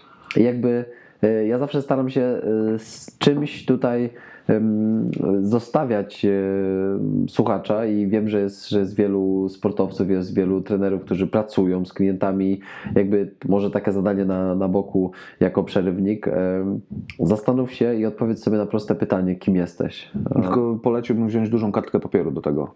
Ja też. Wiele rzeczy, które się tam pojawi, trzeba będzie później skreślić. Tak, Ja zauważyłem, że im dłużej. Ja tak w sumie to się pewnie zmieni, ale ja aktualnie podzieliłem moje życie na dwa etapy. Na etap e, życia, gdzie byłem reaktywny i etap, kiedy jestem proaktywny. I ja mówię, że dopiero od jakiegoś czasu tam świadomie żyję. I teraz ten moment, kiedy zacząłem świadomie żyć, mm, pokazuje mi to, że coraz więcej etykietek z siebie zrzucam. I nie, nie, nie daje się definiować właśnie przez to, że jestem fizjoterapeutą, czy trenerem, czy a, jakąkolwiek inną formą można by człowieka określić. W tym momencie im dłużej pracuję, tym prostszych narzędzi używam. Tylko staram się je trochę może bardziej zgłębić i bardziej dopasować jeszcze i bardziej też wytłumaczyć ludziom, z którymi pracuję. Im e, im dłużej pracuję szkoląc, prowadząc jakieś warsztaty, tym mniej skupiam się na sobie, na mojej osobie, a więcej na tym, co mogę dać innym. I perspektywa warsztatu czy wykładu z, ze stanowiska, bo ja jestem fajny, mogę ci coś fajnego dać, bardzo szybko przeszła w kierunku tego, co mogę dla ciebie zrobić, jakie masz potrzeby. I ja mogę wiedzieć bardzo dużo, ale może ktoś z tej mojej szuflady dużej potrzebować jednego narzędzia. I jeżeli ja mu dzisiaj przedstawię to jedno małe narzędzie, tą jedną informację w sposób e, przejazny, klarowny dla niego, to ta osoba uzyska więcej niż gdyby zobaczyła cały mój szeroki wachlarz umiejętności. Bo dla niej dziś to jest największa wartość. No właśnie, jakby wiesz, też na tym, na tym rynku, e, w którym, w którym e, ty się, ty się poruszasz, tak, bo omówiłeś go też e, między słowami, więc nie pytam cię już e, o to, bo sam, sam sprecyzowałeś tą swoją niszę.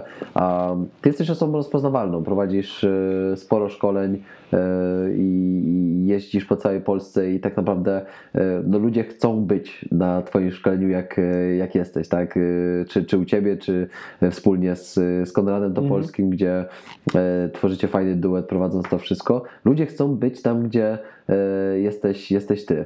I e, tak naprawdę też mi się wydaje, e, przy, ja tak miałem też e, przy naszym pierwszym spotkaniu, to jest, to jest taki dystans, e, dystans władzy trochę, e, dystans tej hierarchii, e, który jest bardzo taki jakby popularny w tym w tym wszystkim, co, co, o czym wcześniej rozmawialiśmy, że no to jest taki schemat utarty, nie? że jakby powiedzmy masz tą hierarchię i musisz się jej trzymać.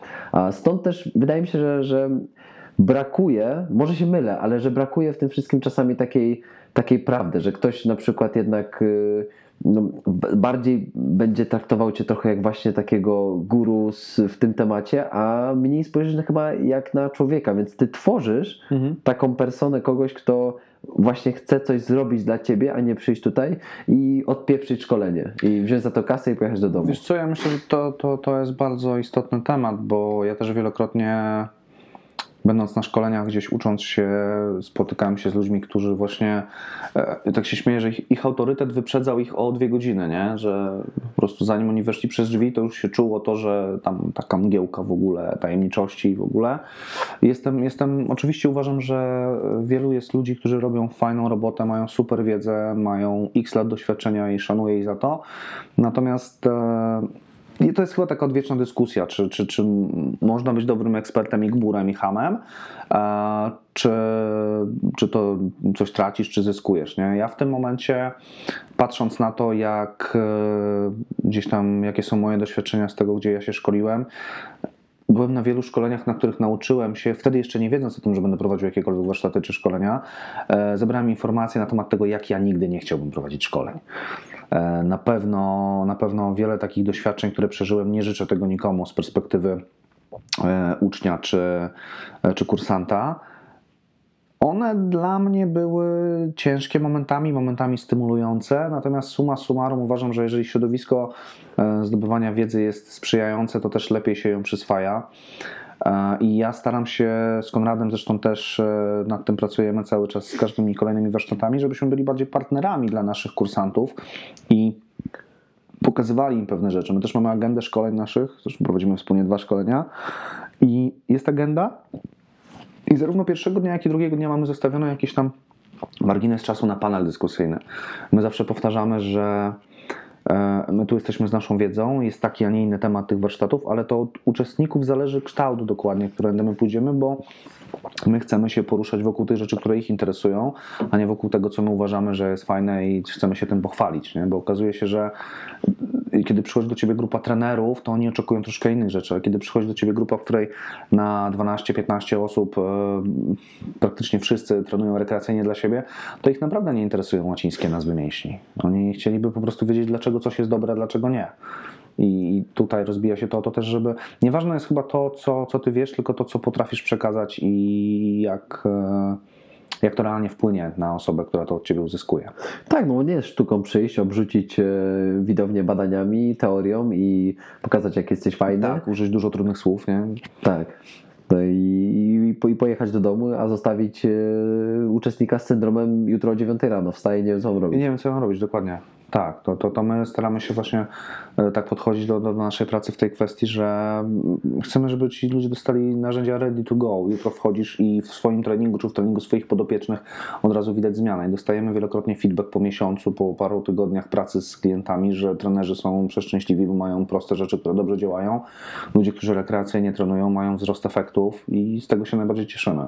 Mhm. I teraz, z- bo też rozpocząłem ten, e, ten temat, żeby, żeby zadać Ci pytanie. Dlatego, że jesteś autorytetem, em, ktoś czasem może bać się albo mieć jakiś opór, żeby Ci zadać jakieś e, bezpośrednie pytanie. Mhm. O co większość osób Cię y, nigdy nie pyta, a chciałbyś, żeby ktoś Ci wreszcie zadał jakieś takie pytanie? No to bardzo ciekawe pytanie zadałeś. Mm. No? Wiesz co? E, Hmm. Czy o co bym chciał, żeby zapytali, tak? A nie pytali. Tak. Albo, albo może, może nawet pomyśl, y, o czym większość osób nie wie. Wiesz co, to ja może z innej strony powiem. No. E, chciałbym, i to się czasami już zdarza, żeby nasi kursanci, e, moi kursanci, czy ludzie, którzy nawet do mnie przychodzą, częściej e, zadawali mi pytanie, czy mógłbyś to wyjaśnić? Bo ja tego nie rozumiem. Bo jeżeli ja o czymś mówię i widzę na sali, że jest cisza i jest przytakiwanie, to zakładam, że wszystko jest jasne. Ale w sytuacji, w której ktoś nie wie o co chodzi, a daje mi do zrozumienia, że wie, to ja idę dalej. Tylko cała moja praca dalej już nie ma sensu. Tak. Więc ja wolę zostać na tym najniższym poziomie i wyklarować pewne rzeczy, dać komuś bodziec do poszukiwań dalszych, niż po prostu e, robić swoje, kiedy 3-4 godziny później pada pytanie, a wiesz co, bo w sumie to ja nie wiem o czym mówimy. E, I może byśmy jakoś tak. O co chodzi? I to jest taki moment, kiedy trochę to traci sens. Nie? Tak. I zdarzyło mi się to raz czy dwa. I od tamtej pory uczulamy naszych, e, naszych kursantów, żeby zadawali jak najwięcej pytań, nawet tych, które pozornie wydają się głupie. Więc ja życzę sobie i każdemu chyba wykładowcy, żeby częściej słyszał pytanie, czy mógłbyś, mogłabyś mi to wyjaśnić?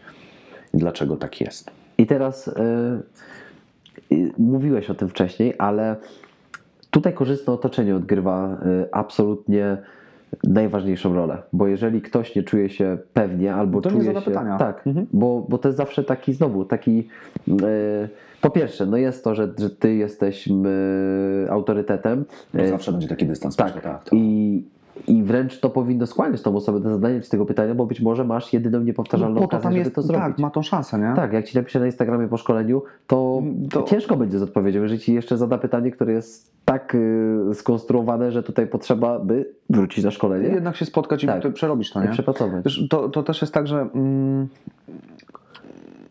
ja miałem to szczęście, że na studiach magisterskich e, i na licencjackich w sumie też miałem kilku takich wykładowców, którzy właśnie mimo tego, że byli już doktorami, profesorami, zachęcali nas do zadawania pytań. Tylko ja byłem wtedy jeszcze na takim etapie, gdzie się bałem zadawać pytań. Aha. I potem, jak sam zacząłem prowadzić warsztaty, to było takie, kuźwa, czemu ci ludzie nie pytają? A potem się okazuje, że nie wiedzą, nie? No i potem trafiły mi się takie szkolenia, na których sam byłem i jak zadałem pytanie ja czy ktoś inny i reakcja wykładowcy była z gatunku Boże, co za gamoń, no to jakby zrozumiałem już dlaczego ludzie nie pytają. Jeżeli zadajesz pytanie e, i ktoś w ten sposób się do ciebie zwraca, no to odechciewać się zadawać pytań. To jest tak jakbyś dostał strzała na dzień dobry, nie? Tak. W ogóle gdzie my jesteśmy. I uważam, że e, no, psim obowiązkiem po części nauczyciela, no bo e, wykładowca jest nauczycielem, jest uczenie. A uczenie polega na stymulowaniu, nie zawsze odpowiadaniu na 100% w pyta- na pytanie, bo też czasami w ten sposób blokujemy rozwój drugiej osoby, ale na, na kierowaniu, ale przede wszystkim na wsparciu. Mamy coś pokazać, mamy pomóc. I kiedy ktoś nie umie, nie rozumie, nie chce się rozwijać, nie pracuje e, i zadaje bzdurne pytanie po raz dziesiąty, to faktycznie, no okej, to może szkoda energii, ale jeżeli ktoś po prostu nie wie i zadaje ci pytanie i pierwszą reakcją jest e, zmieszanie go z błotem, to chyba nie powinieneś być nauczycielem czy wykładowcą. I to, się, to, jest, to jest proces, który nazywa się studiowaniem, czyli nie, Tak. banie, nie baniem się Tak, podważenia, czy zapytania, czy po prostu przyznania się do tego, że może... Że nie wiesz. Tak, że ja nie rozumiem. No. Albo słyszałem o tym trochę z, tro- z, z innej trochę strony i jak mógłbyś się do tego odnieść. Nie? Tak. Ale to znowu jest kwestia, myślę, na poziomie e, tej jednostki e, społecznej, jaką jest rodzina, czy podstawowych interakcji społecznych. Wytworzenie nawyku przyznawania się do tego, że nie wiesz. Po prostu. No ale to tak już jest, że w szkole tego często nie ma. e, no bo się wstydzimy kolegów, koleżanek, później Tak. na studiach tym bardziej, nie? No bo w sumie to przyszedłem odbębnić, w sumie to mnie to interesuje, ale nie powiem, bo wyjdę na gamonia E, i to się tak utrwala, ale tylko, że potem pracujemy. E, Pracujemy z drugim człowiekiem często. I o ile jak coś w procedurach w Excelu się zepsuje, no to to zawsze można szybko poprawić później, tak? E, No chyba, że są to błędy bankowe, to potem trochę trudniej i tu już wchodzi niekompetencja nagle. Tylko Tak. obrzucamy kogoś winą za niekompetencję na tym etapie. A to zaczęło się x lat wcześniej, nie? Więc myślę, że to jest pewien ciąg przyczynowo-skutkowy i warto tego uczyć zarówno młodych sportowców pod kątem ich performance'u sportowego, ale też przede wszystkim jako jednostek ludzkich. Bo może się okazać, że w wieku 30 lat rzucisz sport i będziesz upośledzoną jednostką społeczną, bo nie potrafisz powiedzieć, że nie wiesz, nie umiesz i zadać pytania, żeby ktoś ci wyjaśnił. I to się zaczyna właśnie od tych autorytetów, bo zaczęliśmy rozmawiać o, o właśnie kryzysie męskości, ale to jest sytuacja, która to jest sytuacja z życia wzięta. Młody zawodnik e, nie dosłyszał to, te, czego, czego trener oczekiwał w danym ćwiczeniu, po czym trener zapytał, czy wszyscy rozumieją. Gdzieś kierując wzrok na niego, Przytaknął, Przytaknął. nie wiedział co robić, popełnił błąd już przy pierwszej serii, trener zarzucił mu kłamstwo. Okej, no to już jest problem. I I, to teraz- teraz jest.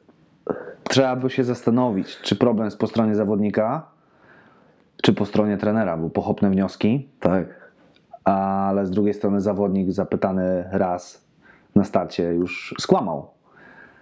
No bo przytaknął, kiedy nie wiedział. Bał się powiedzieć, że Bał w tym się. momencie coś zaszumiało, nie I usłyszał. oczywiście, chcąc być poprawnym politycznie, obaj są winni. Tak. tak? I teraz fajnie by było skonfrontować ich ze sobą, żeby normalnie mogli sobie powiedzieć, żeby zawodnik mógł podejść do trenera po treningu i powiedzieć: Trenerze, chciałbym wyjaśnić, bo nie rozumiem, co się wydarzyło dzisiaj. Albo też, żeby trener podszedł i z taką intencją, że kurde, może popełniłem błąd, może zapytam chłopaka, czy on na pewno dobrze zrozumiał, czy coś, bo może coś komunikacyjnie nie zagrało.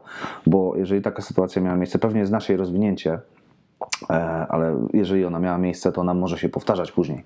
A może teraz ten chłopak stracił w ogóle zaufanie do trenera, może trener stracił zaufanie do niego i tworzy nam się coś, co zupełnie nie powinno mieć miejsca. Tak. Stąd też, stąd też ja pracując z nim na co dzień, mogę pomóc go przygotować e, na następną taką sytuację. Mm. Natomiast ja nie zapanuję nad tym, co zrobi e, trener. Stąd Tak, oczywiście, no na to nie masz wpływu. Znowu. Tylko teraz ten zawodnik musi być przygotowany na to, żeby ewentualnie e, zmienić postępowanie trenera przez to, że on w jakiś sposób się zachowa. Tak. Tylko to teraz widzisz, tworzy się mechanizm, w którym e, znaczy to jest fajne, bo myślę, że to jest nam wszystkim potrzebne. Tylko teraz zawodnik, który jeszcze tego nie ma, ma problem jeszcze ze sobą, z wyrażeniem siebie, musi już bardzo szeroko, empatycznie pomyśleć o drugiej jednostce. Aha. Co jest myślę trudnym zadaniem. Jeszcze Dla w jakim wieku. dwunastolatka. Wo, to już w ogóle. to jest kosmos. Krążę wokół, ale, ale, ale tak y, muszę, muszę i chcę być ostrożny. Mhm. Ale to idealnie się wpasowało to, o czym powiedzieliśmy, tak? I y, no to jest poważny temat, tak? Znowu jakby klamrą zamykamy y, ten, y, ten y, To temat. re- relacja, komunikacja. Tak, nie? To wszystko tam się rozpoczyna, na tym się kończy i tego trzeba uczyć. Tego trzeba uczyć ludzi i, do tego trzeba przyzwyczaić. Do tego oczywiście jest potrzebne. E, potrzeba jest więcej e, takich ludzi, e, i tu mówię bardzo pewnie, jak my, którzy, którzy jakby też rozumieją to, pracują nad tym swoim życiu. Nie jesteśmy doskonali i Nie, nigdy nie będziemy. Ja myślę, że to też jest wypadkowa tego, że my byliśmy szkoleni przez trenerów, którzy też popełniali błędy Tak. i byli z tej perspektywy autorytetu trenerskiego, który jest w ogóle nadrzędny i nie można się odezwać. Oni nam pokazali taki świat. On nam się trochę nie skleił. My sami też popełniamy różne błędy, ale już widzimy, w którą stronę chcemy, żeby to szło. I ja myślę, że w ogóle w tej sytuacji to jest tak, że tacy ludzie, którzy y, ten obraz pracy, szczególnie w sporcie, czy w ogóle gdziekolwiek, w jakiejkolwiek szeroko pojętej edukacji, bo to też jest jakby pewna rola edukacyjna, e, że w tym są, mamy o tyle trudną sytuację, że my tego nie zrobimy. W takim sensie, że my nie będziemy widzieli końca tego. My możemy na bieżąco widzieć małe rzeczy, które się poprawiają, Tak. ale my jesteśmy tylko jednym z elementów w tym całym mechanizmie, który, kiedy nasze pokolenie umrze, kolejne będzie być może z tego czerpać i dopiero może dwa dalej do przodu zobaczymy, rea- znaczy wystąpią realne tego efekty. A my po prostu przez to, że no, żyjemy w Polsce, która jest jakby po czy w trakcie jeszcze pewnych przemian, no po prostu gdzieś tam mielimy temat, który tak szybko nie zaprocentuje. Jakby mając jeszcze doświadczenie międzynarodowe, gdzieś tam jeżdżąc, podróżując, widząc jak to wygląda w innych krajach, możemy powiedzieć, że jesteśmy 100 lat za murzynami z pewnymi rzeczami, ale po prostu chociażby z tego prostego powodu, że pewne przemiany gospodarcze u nas były trochę później i my jako kraj, znowu, e, mamy w, Polsce mnóstwo ludzi, którzy mają zupełnie inne priory- priorytety. My teraz jakby się rozwijamy perspektywie w ogóle jednostki na zasadzie, bo trochę może lepiej zarabiamy, bo trochę lepiej ustawiamy rodzinę, bo nasze dzieci wreszcie mają czas na to, żeby korzystać ze sportu i z trenerów, i z wsparcia mentalnego, i z psychologów, e, i z trenerów przygotowania motorycznego. I to jest tak, że my dopiero do tego doszliśmy, a to się powoli wypracowuje, jak ten model ma działać. Ale no, jak już się w tym jest, to warto i chce się dorobić, to trzeba to robić i obserwować po prostu, jakie, jakie są te nasze małe sukcesy i je gdzieś tam dostrzegać. No to warto czy opłaca się? Mm, Ja myślę, że warto, a na pewnym etapie może się opłacać. A a jeżeli się nie opłaca, to w każdym sektorze, uważam, że w każdym absolutnie sektorze e, naszej działalności można trochę podzielić pewne projekty na typowo biznesowe pod kątem intratności tego, jaką przynoszą e, wartość e, pieniędzy, a z drugiej strony możemy popatrzeć też często na pewien rozmiar naszej pracy, który idzie tylko z uwagi na pewną misję i to, co dajemy. Idealnie, kiedy to się splata ze sobą, ale jak sam wiesz, są czysto komercyjne często projekty, w które pewnie też się angażujesz, gdzie zarabiasz pieniądze na chleb, a są takie, gdzie oprócz tego, że tam zarabiasz, to wszystkim dajesz ogromną wartość ludziom. I myślę, że im szybciej też przestaniemy się bać o tym mówić, że robię coś dobrego, robię coś fajnego, ale robię to też dla pieniędzy, bo uważam, że kłamstwem jest, kiedy mówimy, że pieniądze są dla mnie zupełnie nieistotne. One zawsze są istotne, bo to one płacą ci rachunki, to one dają ci chleb i to one pozwalają ci robić to, co robisz. I oczywiście nie powinny nam przesłaniać wszystkiego, nie powinny być jedynym fundamentem naszej pracy, ale wtedy właśnie, gdy potrafimy e, powiedzieć: Słuchajcie, to jest moja praca, jestem w tym dobry i jestem w tym dobry dlatego, że się uczę i ta nauka też kosztuje, dlatego też tyle kosztuje praca ze mną, to wtedy, kiedy przestaniemy się bać o tym mówić, nagle też zawęzi nam się grono ludzi, z którymi będziemy pracować. Bo jest mnóstwo ludzi, którzy robią takie same rzeczy jak my na różnych poziomach i jest też mnóstwo odbiorców, którzy będą pra- e, chcieli pracy na tych różnych poziomach. Nie każdy musi pracować z tobą, nie ty musisz pracować z każdym. I ja wielokrotnie e, robiłem i zdarza mi się jeszcze robić rzeczy za darmo. Zdarzało e, da mi się e, pracować za mniejsze pieniądze niż normalnie ustawiam stawkę, ale to jest moja świadoma decyzja, że ja chcę, żeby ktoś zapłacił mi mniej, bo wiem, że jemu teraz to może coś dać, Tak. ale otwarcie mówię mu: Słuchaj, normalnie u mnie kosztuje to tyle, ale wiem, jaka jest sytuacja, i na ten moment, jeżeli zapłacisz mi tyle, to będzie to dla mnie absolutnie ok. Albo na ten moment nie wezmę od ciebie pieniędzy, bo uważam, że mogę ci w ten sposób jakoś pomóc. A to jest świadoma decyzja. Nie czuję się w żaden sposób przymuszony do tego, ale jednocześnie nauczyłem się tego, żeby komuś o tym powiedzieć, a czasami nawet w sumie nie mówię, tylko po prostu robię. Natomiast z drugiej strony potem tego nie wypominam. To nie jest tak, bo Tak. kiedyś ci zrobiłem za darmo. To jest moja decyzja, że pracuję za darmo. I uważam, że każdy ma do tego prawo, ale uważam, że bardzo nie w porządku jest później próba uzyskania czegoś na zasadzie, słuchaj Mateusz, bo ja to kiedyś e, zrobiłem dla ciebie coś za darmo, może ty byś mi teraz coś.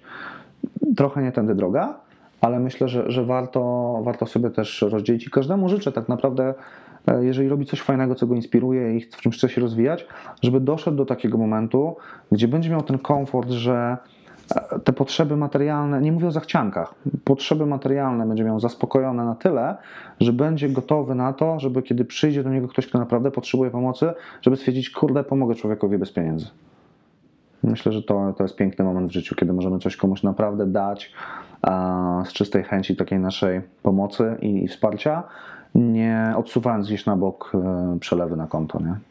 A zazwyczaj wiesz, co się później dzieje? No tak, jest problem często, bo są wyrzuty sumienia po stronie mnie jako specjalisty, że w sumie kurde za darmo, a powinienem wziąć. Z drugiej strony te osoby często też nie doceniają takiej pomocy, więc e, ja tutaj zawsze jestem ostrożny i uważam, że to są bardzo indywidualne przypadki.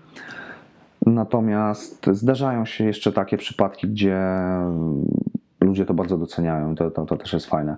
Natomiast też z drugiej strony myślę, że mm, trzeba się cenić, jednocześnie nie można patrzeć przez pryzmat tego, że każdy będzie taki sam jak ktoś cię e, jakoś e, powiedzmy oszuka. Przysłowiowa sytuacja z bezdomnym, gdzie chcesz dać bułkę, on ją wyrzuci. Nie? Tak. To pewnie się zdarzyło wielu ludziom.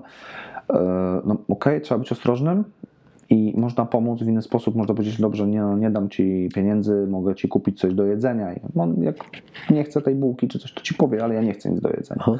I wtedy po prostu chciałeś pomóc, nie pomogłeś, ale też nie straciłeś, bo ludzie często raz oszukani, czy raz e, za, zawodząc się na kimś, e, potem już patrzą przez pryzmat tego i się odsuwają na starcie, zamykają różnego rodzaju, Budują stereotypy. budują sobie stereotypy dokładnie, a myślę, że, że warto dać zawsze taki kredyt zaufania gdzieś. Tak. Jednocześnie zachowując swoją przestrzeń i swoje bezpieczeństwo. I znowu nieumiejętność rozdzielenia pomiędzy transakcją a relacją.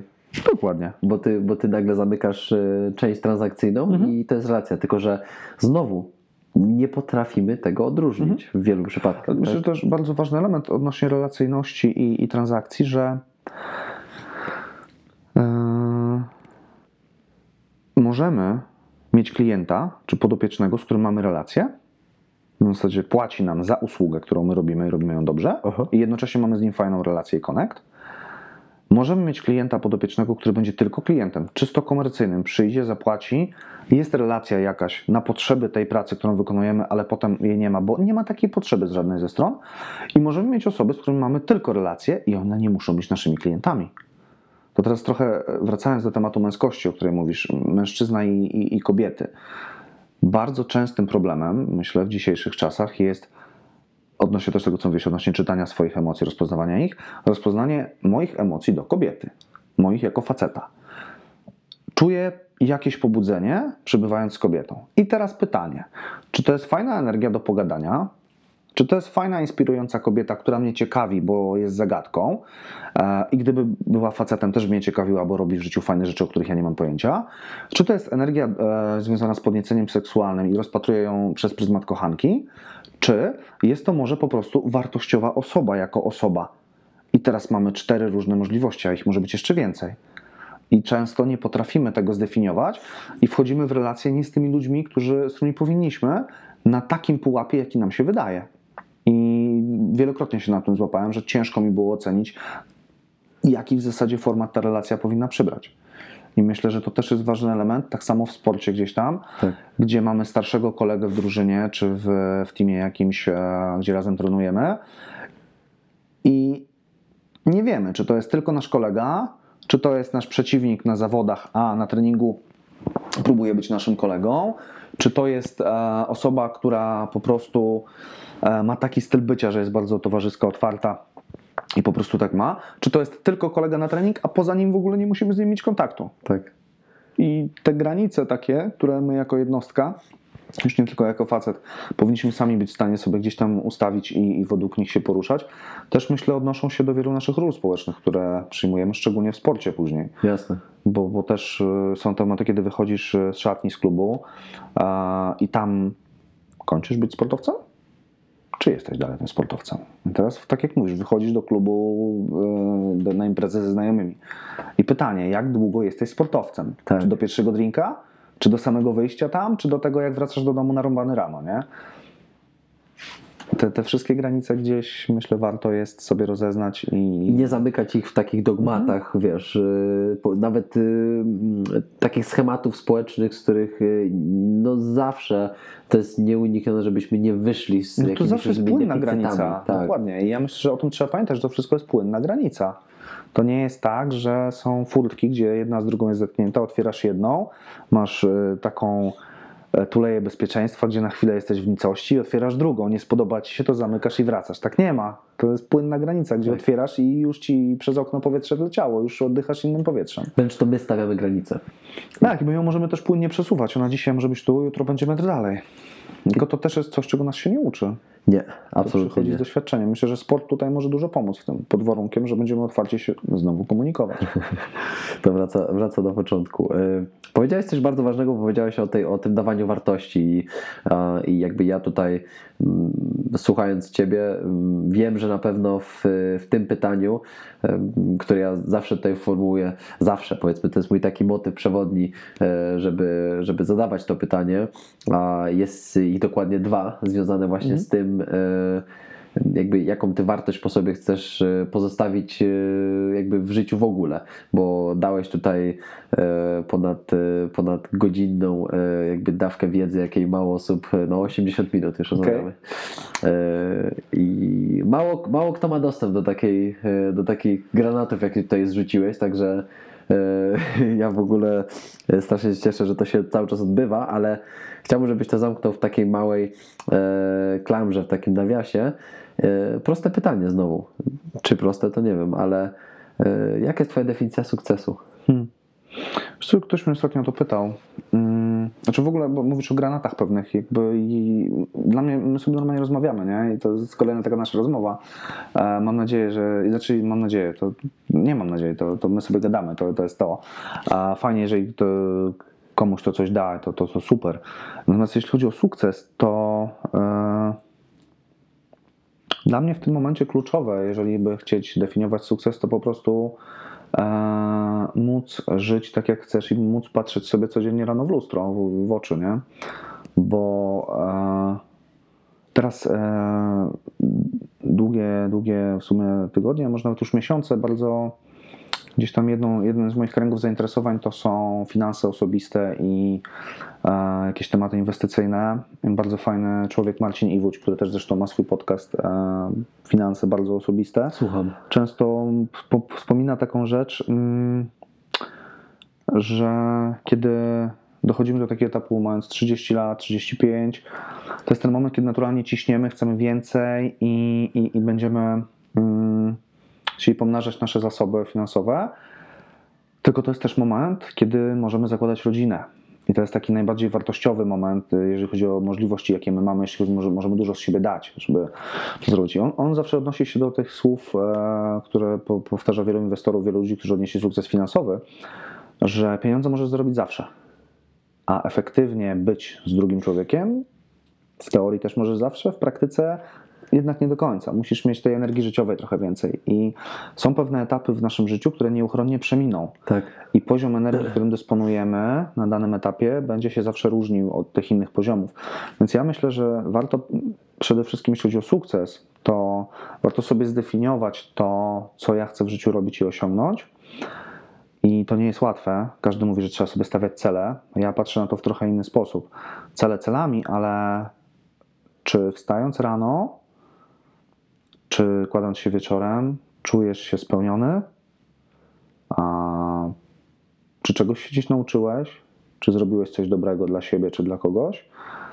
I jeśli odpowiedzi na te pytania w większości przypadków brzmią tak, to uważam, że to już jest Twój sukces, bo żyjemy w kraju, w którym nie dostrzegamy wielu rzeczy i tu tego uczą mnie podróże, że są miejsca na ziemi, gdzie ludzie chodzą bez butów nie z wyboru, tylko dlatego, że nie mają tych butów.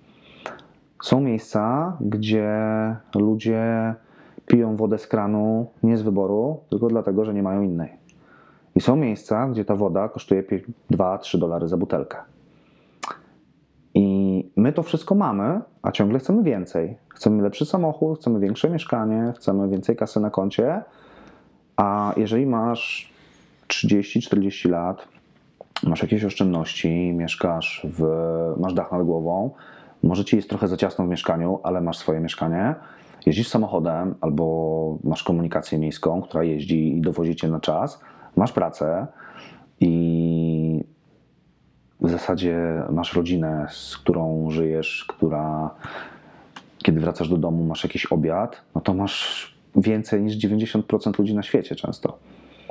I myślę, że najpierw trzeba, dla mnie sukcesem przede wszystkim właśnie jest to, że żyję tak, jak chcę żyć. I jeżeli Twoim celem jest jeździć super luksusowym samochodem, mieszkać w 120-metrowym apartamencie, jeżeli to jest Twój sukces, ok, tylko miej świadomość tego, co musisz robić, jak musisz to robić, żeby tam być.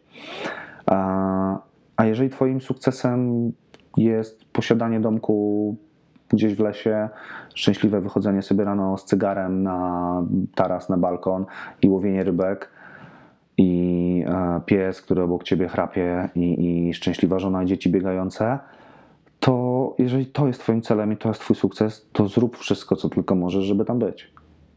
Po prostu żyj tak, jak chcesz, rób to, co chcesz robić, ale przede wszystkim rób to w zgodzie ze sobą, nie dla kogoś innego. Nie chcę i nawet nie mogę więcej dodawać. E, Myślę, że to, to już samo w sobie jest, jest majstersztyk. Tego pytania na pewno Ci nikt nie zadał jeszcze. Ja nie mogłem się doczekać, e, aż Ci je zadam w naszej blisko e, dwuletniej znajomości. Pytanie się nazywa Trzy Prawdy. Ok? Wyobraź sobie, że leżysz na łożu śmierci. A To, jest, to są ostatnie chwile. Mhm. Okay? I teraz wszystko to, co zrobiłeś w życiu, wszystko to, co powiedziałeś, wszystkie, wszystkie szkolenia, które przeprowadziłeś, cała wartość, którą dałeś, ona jest zmazana. Mhm. Nie ma. Okay? I są twoi najbliżsi wokół ciebie, tych, których sobie gdzieś tam wymarzyłeś. Dostajesz kartka papieru i długopis. Mhm. I na tej kartce masz napisać swoje trzy prawdy życiowe, według których y, uważasz, że mm, powinno się żyć, według których ty żyłeś i, i dzięki temu zrobiłeś to, co zrobiłeś. Ale to jest jedyna, jedyna rzecz, która po tobie zostanie. Co byś napisał? Mm, Tylko nie mów mi, że ktoś ci zadał takie pytanie. Nie, nie, to, to nie. Wiesz co, mm, przede wszystkim nie krzywdź innych.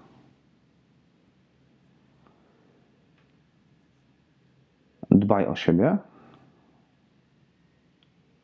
I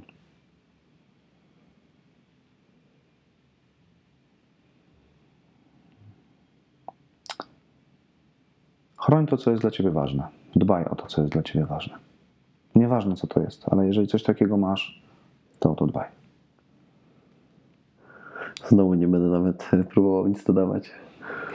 Fajnie. E, Ja Ci chciałbym mm, podziękować, ale nie za to, że tu jesteś, tylko za to, że jesteś w ogóle w moim życiu jako, jako mój kumpel, że jesteś takim człowiekiem, jakim jesteś, bo mm, jesteś e, szkoleniowcem, jesteś trenerem, jesteś fizjote- fizjoterapeutą na co dzień swojej pracy i to wszystko robisz i dajesz mnóstwo wartości. I za to też Ci dziękuję, ale nade wszystko jesteś po prostu mega gościem, z którym można sobie usiąść e, przy soczku. W soczku, kawie i butelce wody mineralnej. a czasami, a czasami e, w A innych czasami okolicznościach. przy piwie. A czasami tak, a czasami przy piwie, tak jak już to zrobiliśmy.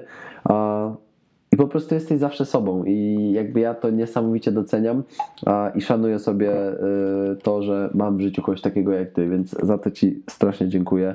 A, a myślę, że, że słuchacze są wdzięczni też za te półtorej godziny y, naszej wiem, kiedy to zleciałeś. Ja też w ogóle bardzo dziękuję. Wiesz co, bo mm, to też jest taka ciekawostka, mm, może bo nie. Jesteś ostatnią osobą, z którą zgodziłem się zrobić podcast aktualnie.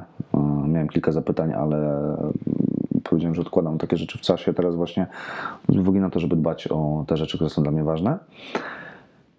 A druga rzecz to bardzo Ci dziękuję w ogóle za tą rozmowę z tego względu, że mm, ja tak jak e, Ty to wiesz, słuchacze, może nie, do ostatniej chwili nie wiedziałem do końca o czym będziemy rozmawiać, bo wiemy jaki jest motyw przewodni podcastu i bardzo, bardzo mi się podoba. Natomiast ja nie, miałem informacji, jakie pytania i co, co z tego będzie, co jest bardzo fajne, ale też e, pytania, które zadałeś, e, zmusiły mnie do jakiejś odpowiedzi, do pewnej refleksji i dla mnie to jest wartość dodana też. To, znaczy, żadna rozmowa z Tobą nie jest stracona przede wszystkim, a to nie jest czas stracony, to zawsze jest miło spędzony czas, ale ta rozmowa, tak jak zresztą inne do tej pory, też jest dla mnie rozwojowa w jakiś sposób, co też bardzo fajne i za to Ci dziękuję.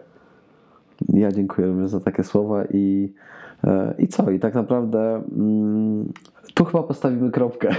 Myślę, że to jest dobry moment. Dobry moment, żeby postawić kropkę. E, Dziękuję mm, Ci, że wytrwałeś z nami, e, drogi słuchaczu, droga słuchaczko. Wartość jest na pewno niezmierzona, więc nie będę mówił, że mam nadzieję, że, że, że wyciągnęliście coś dla siebie, bo strzeliłbym sobie w głowę, jakby, jakby ktoś powiedział, że nie wyciągnął. Ale z drugiej strony no, nie można mierzyć wszystkich swoją miarą, zgadza się, więc e, w tym momencie stawiamy kropkę. I dzięki jeszcze raz, że byłeś w siódmym odcinku. Moim gościem był Mariusz Dzięcioł. Dzięki bardzo.